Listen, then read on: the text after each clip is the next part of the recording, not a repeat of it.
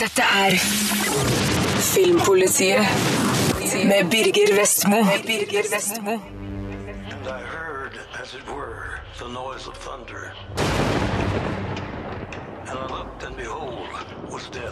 Bare en gærning kan lage en film som Abraham Lincoln, Vampire Hunter. Regissør Timer Beckman Bethov har vist tidligere at hodet hans er skrudd på litt annerledes, og gir oss ytterligere bevis på det her. Heldigvis. Det her er en spektakulær og overdådig effektfest, der subtilt fintføleri må finne seg å bli trampa ned av vill vampyraction med mye digitalt blod. Et mesterverk er det kanskje ikke, men Beckman Betov gjør sitt beste for å underholde. Det her er en historisk unøyaktig skildring av USAs 16. president, dikta opp av forfatter Seth Graham Smith. Filmen forteller hvordan Abe som gutt mister mora i et vampyrangrep. Som ung mann, spilt av Benjamin Walker, tørster han etter hevn, og får hjelp av Henry Sturges, spilt av Dominic Cooper, til å bli vampyrjeger. Samtidig vekkes hans politiske engasjement, og som president skal hans to verdener kollidere midt under den amerikanske borgerkrigen. that all men are created equal. Jeg syns vampyrer kler 1800-tallet, noe vi har sett før både i Dracula, True Blood og En vampyrs bekjennelser. De passer inn i et stort og uoversiktlig samfunn, der de har all muligheter til å gjemme seg vekk og bedrive sin bokstavelig talt lyssky virksomhet. Det her bakteppets gamle preg står i sterk kontrast til filmens hypermoderne fortellerteknikker, men det fungerer som et moderne eventyr tufta på gamle elementer. Timur Bekman Betov er ikke fremmed for vampyraction. Hjemme i Russland lager han de overdådige filmene Nightwatch og Daywatch før han eksporterte seg til Hollywood. Han fortsetter i samme spor her og benytter seg av et lekende filmspråk med gravitasjonsfornektende stunts og store mengder digitalt blod. Han er kanskje ingen subtil filmskaper, han slår som en hammer, men er i det minste sjelden kjedelig. Det her er tull fra start til slutt, men Abraham Lincoln Vampire Hunter er morsomt tull, og slett ikke det verste å kaste bort et par sommertimer på. Dette er Filmpolitiet på P3. Filmpolitiet presenterer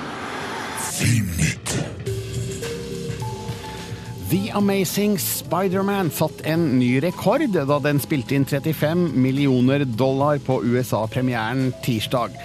Ja, Det høres knall ut, ikke sant? Eh, Nå har det nok seg slik at svært få filmer har premiere på tirsdager, og det viser seg at alle de tre foregående Spider-Man-filmene åpna langt bedre på andre ukedager. Spider-Man 3 tjente f.eks. inn dobbelt så mye den første dagen. Men likevel har den nye filmen allerede spilt inn nok gryn til at filmselskapet Sony har gitt grønt lys for to oppfølgere. Her i Norge har The Amazing Spider-Man premiere førstkommende onsdag.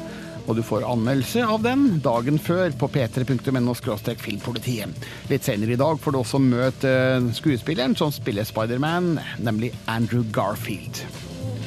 Den første plakaten til Oss, The Great and Powerful, regissør Sam Ramis oppfølger til klassikeren The Wizard of Oz fra 1939, ble publisert denne uka. Den viser trollmannens ballong på vei langs Yellow Brick Road mot Emerald City, der en tornado truer i bakgrunnen. En stilig forsmak som høyner forventningene. Denne filmen forteller hvordan trollmannen i Ås kommer dit som ung mann, spilt av James Franco, og hans forsøk på å bli anerkjent som stor trollmann der. Oss, The Great and Powerful har verdenspremiere i mars neste år. Det er 28 år siden Ghostbusters var en stor kinosuksess, og 23 år siden Ghostbusters 2 var en litt mindre suksess. Ghostbusters 3 har vært planlagt i årevis, uten at arbeidet har båret frukter.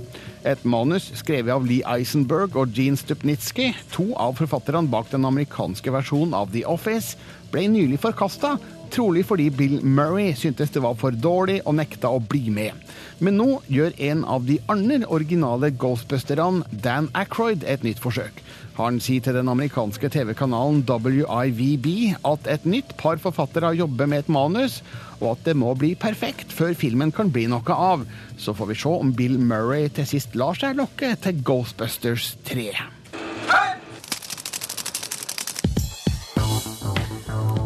Ja, nå har altså Filmpolitiet i hele vårsesongen, og forsommersesongen for den del, eh, prøvd å kåre verdens beste superhelt. Altså, vi prøver ikke, vi skal gjøre det, og nå har vi kommet til selveste finalen. Men før vi kommer så langt, så må vi jo ta en liten recap av hva som skjedde i eh, semifinalene. Eh, Og da er resten av Filmpolitiet her nå. Marte Hedenstad, Hei, hei! Andreas Opsvik Hei sann. og Martin Aas. Hallo! Og da spør jeg deg, Martin, først. Eh, Semifinalene sto altså mellom Wolverine og Batman, og Supermann mot Spiderman. Og eh, hvem var sterkest av Wolverine og Batman? Hvem fikk flest stemmer der? Ja, det var en utrolig jevn kamp, men det var eh, omsider eh, Batman som gikk av med seieren. All right. Jevn kamp, det hadde jeg nesten Ja, ikke ikke for- forestilt meg. det viser bare at det er kapitalismen som rår til slutt uansett. Det, det er pengene som vinner frem. Ja, ok. Ja, For du heia på Wolverine? Nei, ikke egentlig. Nei, ikke egentlig, nei. Nei, men Jeg hadde ikke forestilt meg at eh, Wolverine var såpass eh, populær i forhold til Batman. Jeg trodde at det skulle være et mye eh, mer sprik der i stemmeantallet. Men X-Men har jo en veldig stor fanskare på tegneseriefronten, så det kan nok hende at eh, det var eh, litt sånn der eh, folk som eh, heisa seg opp og bare 'Nå vi stemme, folkens!' Eh, Wolverine er jo awesome. Ja, men vi, vi er veldig fornøyd med å ha Batman som den ene finalisten i verdens beste superhelt. Absolutt. Skal vi ta den andre semifinalen? Der møttes altså Supermann mot Spiderman. Og altså, det kunne jo egentlig kanskje ha vært selve finalen. Altså, det er to meget sterke navn. Uh, Martin, hvem gikk videre til finalen uh, der? Ja, og det var faktisk en enda eh, tettere struggle også. Ja, det vil jeg tro. eh, Som jeg var veldig usikker på. Men eh, nå er det klart at Supermann er videre. Akkurat. Det var vel ikke veldig uventa, spør du meg. Men jeg vet ikke hva dere syns, Marte? Jeg syns det er eh, helt klart at Supermann eh, kom til å komme videre. Altså, Han er jo en av de ultimate superheltene. Ja. Skulle jo bare mangle at han var i finalen. Ingen bad feelings for Spiderman, Andreas? Nei, uh, Supermann er jo en, en klassiker og en eh, pioner, kan vi jo nesten si, innen superhelttradisjon. Så det syns jeg egentlig er helt greit. Da er altså finalen klar. Verdens beste superhelt, det blir enten Batman eller Supermann, og det er du, kjære lytter, som kan bestemme utfallet. Gå på p3.no filmpolitiet og avgi din stemme. Men hvem tror vi på, Marte, Andreas og Martin? Det er to ekstremt sterke, verdige helter i finalen. Men eh, Marte, har du en favoritt? Jeg har en favoritt, og jeg, jeg, jeg håpet jo på at både Supermann og Batman skulle komme i finalen sammen, for det her er jo på en måte superheltkreftene mot eh, pengemakta.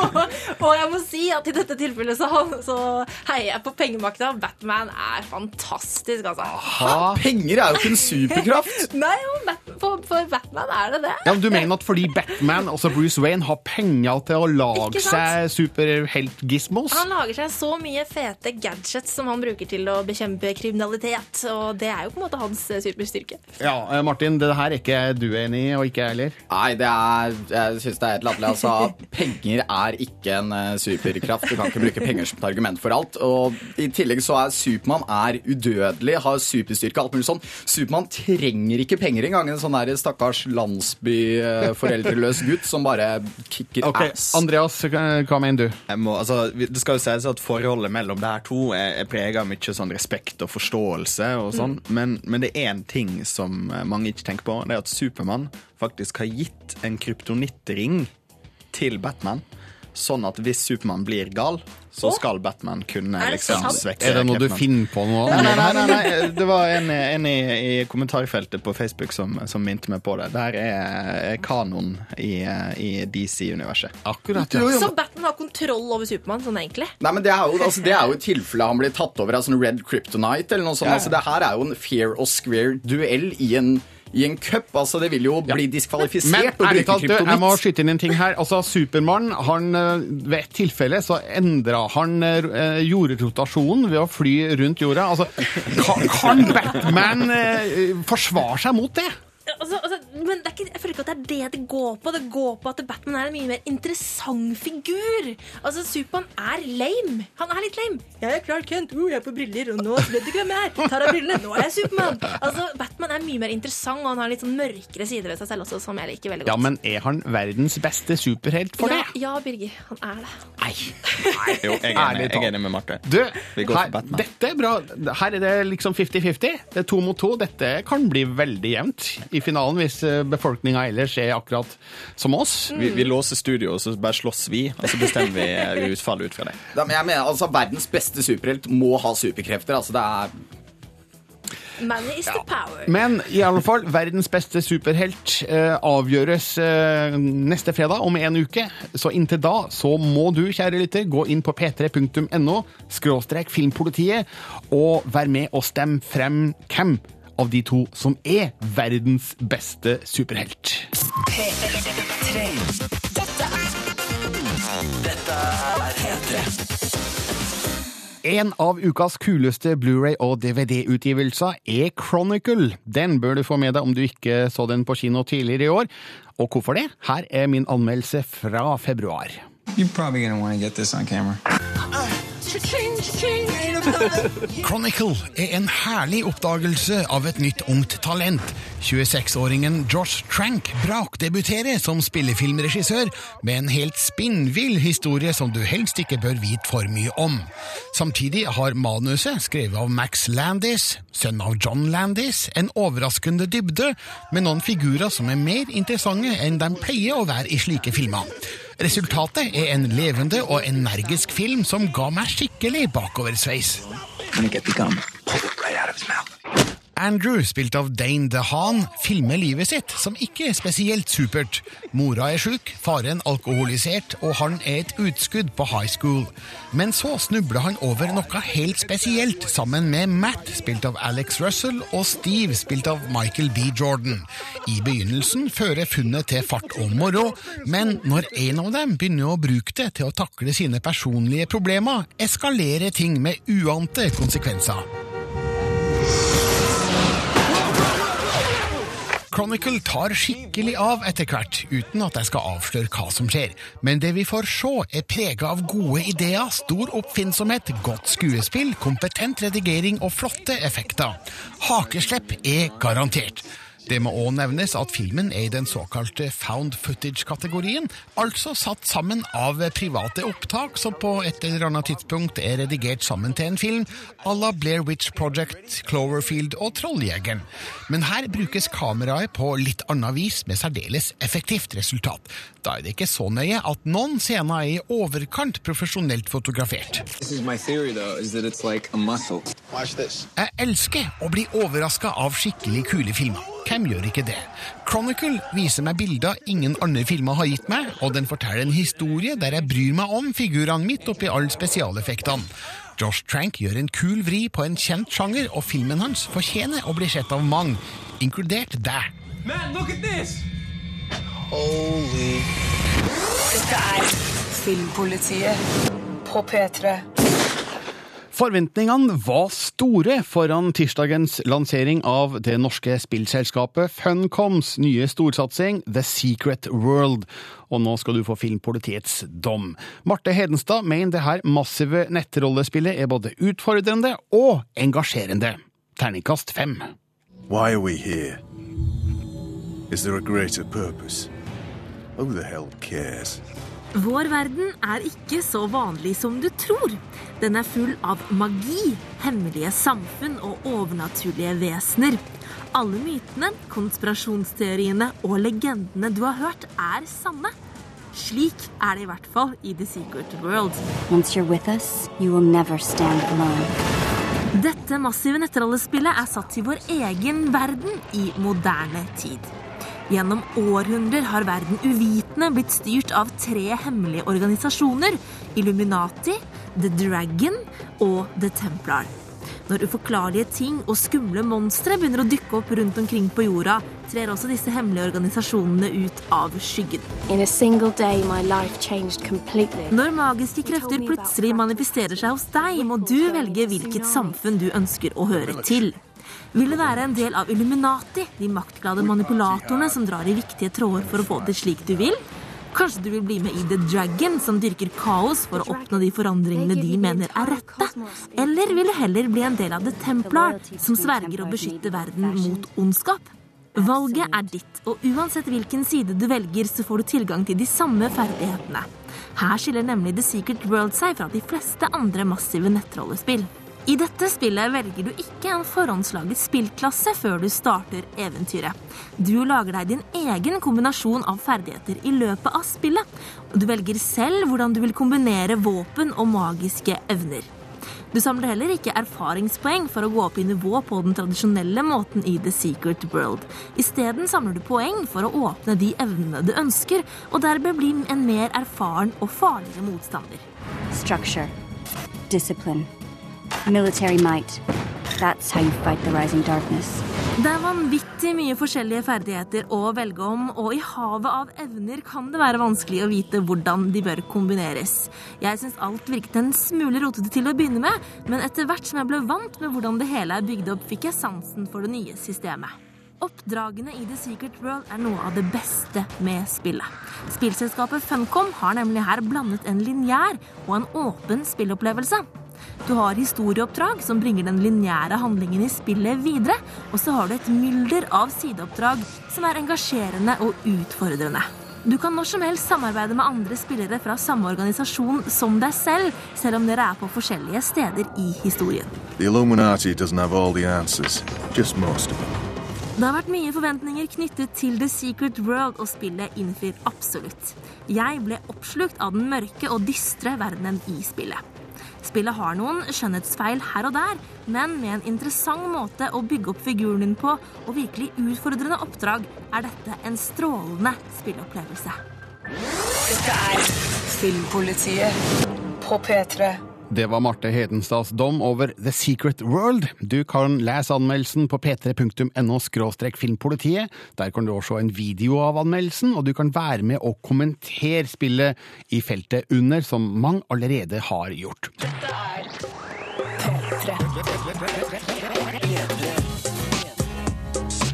Spiderman dukka for første gang opp i tegneserien The Amazing Fantasy nummer 15 i august 1962. Det vil si at Spiderman straks fyller 50 år. Populariteten er fremdeles upåklagelig. Han har, som du hørte tidligere i sendinga, gått til finalen i Filmpolitiets store kåring av verdens beste superhelt. Nei, beklager, det var jo feil. Det gjorde han ikke. Han kom til semifinalen, det var det jeg skulle si. Hva er det som gjør han til en så populær 50-åring? Mona B. Riise har spurt Avi Arad, mannen som har produsert Spiderman for både TV og film, Andrew Garfield, den nye Spiderman, og Garfields kjæreste Emma Stone, som spiller Gwen i filmen. There's something about Spider Man that sets him apart from everyone else in that he's a teenager and he's an underdog and he's very, very human. Um, other than Hulk, he's probably the most human of, of all the superheroes. Emma Stone spiller Spidermans første kjæreste Gwen, og Emma elsker Spiderman på alle måter. How did you get out there? Fire escape. It's 20 stories. The doorman's intimidating. He's uh, just a boy who was orphaned and who's being raised by his aunt and uncle and trying to find a father figure in his life and contend with, with being an orphan. And so to have that kind of boy bestowed with superpowers is a pretty incredible, empowering thing. And I think it's why he's been such an icon for 50 years. It's, everybody feels like part of them can relate to him. Engelske Andrew Garfield spiller Spiderman for første gang. Og hele livet har han hatt et sjeldent intenst forhold til superhelten.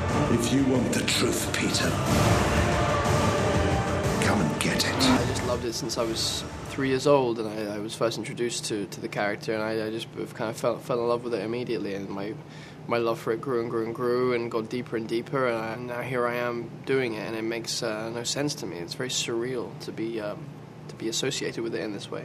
You said that you felt like you had some similarities or something you related to Peter Parker. What? Why is that? because he's he, his struggles were the same as mine. You know, like he felt like an underdog and he wanted to protect the underdog, but didn't have the power to do that. He he couldn't stand people getting hurt.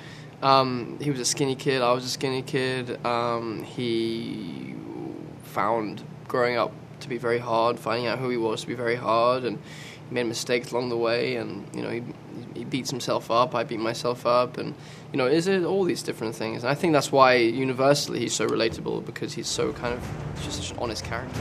I gotta stop him because I created him.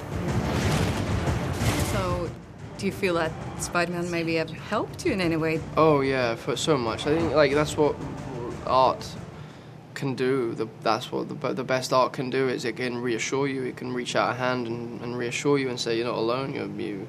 Lots of people feel the same way that you do and experience the same things that you do. Andrew Garfield er ikke den eneste som føler at Spiderman har hjulpet ham. Produsent og Marvel-kongen Avi Arad, som har gitt oss all Spiderman på TV og film siden 1992, fikk forandret livet da han leste Spiderman på tidlig 60-tallet. Do you remember your first Spider-Man encounter? What that was like? I found I found the book when it was first translated into Hebrew. I'm from Israel, and I was in my mid-teens, and it was just wow, because our comics until then were more mythology. Once Spider-Man came in, it became the most relatable book I ever read. I was an only child. I liked to be alone. I liked to read. He was like oh, so I'm not that weird. I'm like him. And then the metaphor came in of flying and all the things that I really wanted to do. Actually, I tried. You did? It hurt.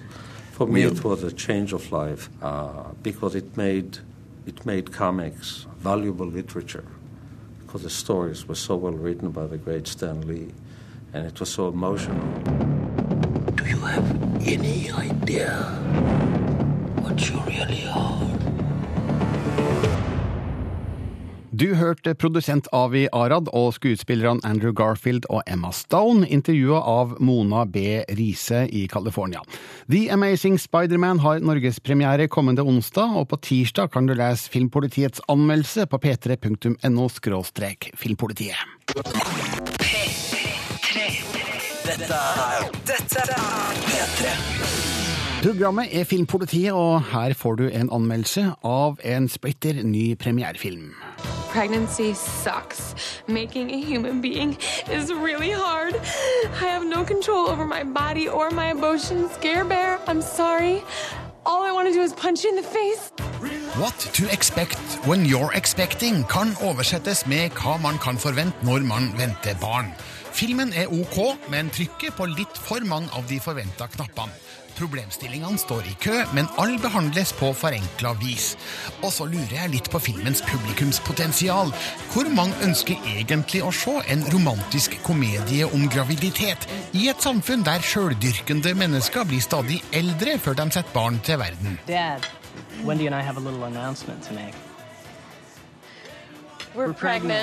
Vi møter flere par som venter barn under ulike omstendigheter.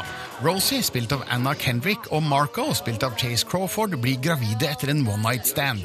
Wendy, spilt av Elizabeth Banks, og Gary, spilt av Ben Falcone, blir gravide etter å ha prøvd i evigheta. Holly, spilt av Jennifer Lopez, og Alex, spilt av Rodrigo Santoro, har gitt opp og vil adoptere, mens Jules, spilt av Cameron Diaz, blir gravid med sin partner i Skal vi danse, Evan, spilt av Matthew Morrison. I was breastfed myself till I was six, and look how good I turned out. Filmen forsøker å berøre de fleste sider av en graviditet, som frykten, gleden og alle de andre ambivalente følelsene som følger med. Alt som har barn, vil kjenne igjen elementer fra egne opplevelser, mens dem som har det til gode, vil få en liten hollywoodsk forsmak på hva de har i vente. Filmen er basert på Heidi Murkoffs populære bokserie om graviditet, men regissør Kirk Jones nøyer seg med brede penselstrøk. Han er først og fremst ut etter å fortelle en lett fordøyelig kosefilm, uten å gå dypt inn i problemstillingene. I picked up the wrong baby from daycare. Found my baby swimming in the toilet. No judging. What to Expect handler om vesentlige livserfaringer, men har ikke så mye å si om dem. Det blir litt tamt og innholdsløst. Jeg hater den ikke, men filmen blekner totalt når den settes opp mot andre filmer med lignende tema, spesielt latterfesten Knocked Up, som samtidig sa mye sant og klokt om det å vente barn. Så jeg ser heller den en gang til fremfor What to Expect. Welcome to escrow, bitch.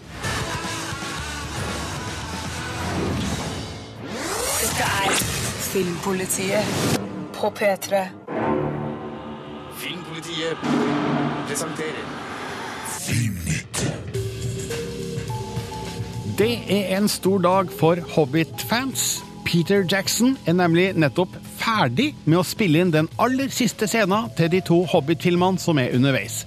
Han posta et bilde på Facebook-sida si tidligere i dag, eh, der vi ser han sjøl, og klapperen som ble brukt i den siste scenen. Der kan vi se at eh, tagning 305-7F var det siste som ble filma. Nå starter et omfattende etterarbeid før Hobbiten, en uventet reise, har premiere til jul. Først skal Peter Jackson og co. presentere Hobbiten på Comic-Con i San Diego i neste uke. NRKs Filmbonanza skal dit, og vi håper på rapport derifra. Husker du Valentine's Day og New Year's Eve? Nå kommer en ny dagsspesifikk film, nemlig Mother's Day, som ikke må forveksles med horrorfilmen av samme navn fra 2009. Den nye skal ha en mer virkelighetsnær vinkling, og skal handle om tolv par mødre og døtre og deres forhold gjennom en morsdagsfeiring. Noen av skuespillerne er allerede klare, bl.a. Andy McDowell og Rainy Qualley, som er mor og datter i virkeligheten. Sharon Stone, Christina Ritchie og Susan Sarandon er òg på rollelista til regissør Paul Sturridge. Skal vi gjette på en premiere nær den amerikanske morsdagen, som er søndag 12. mai 2013? I forrige fredags Filmpoliti fortalte jeg om det som høres ut som et litt tvilsomt filmprosjekt, nemlig Raging Bull 2. En slags oppfølger til Martin Scorseses film fra 1980, basert på bokseren Jake LaMottas memoarer. Nå blir LaMotta saksøkt av filmselskapet MGM, som eier oppfølgerrettighetene. MGM forsøker òg å stoppe filminga, som er i gang i Los Angeles. Så får vi se om denne filmen noen gang blir vist for noen som helst. Og så til slutt, eh, her er min mening om skilsmissen mellom Tom Cruise og Katie Holmes.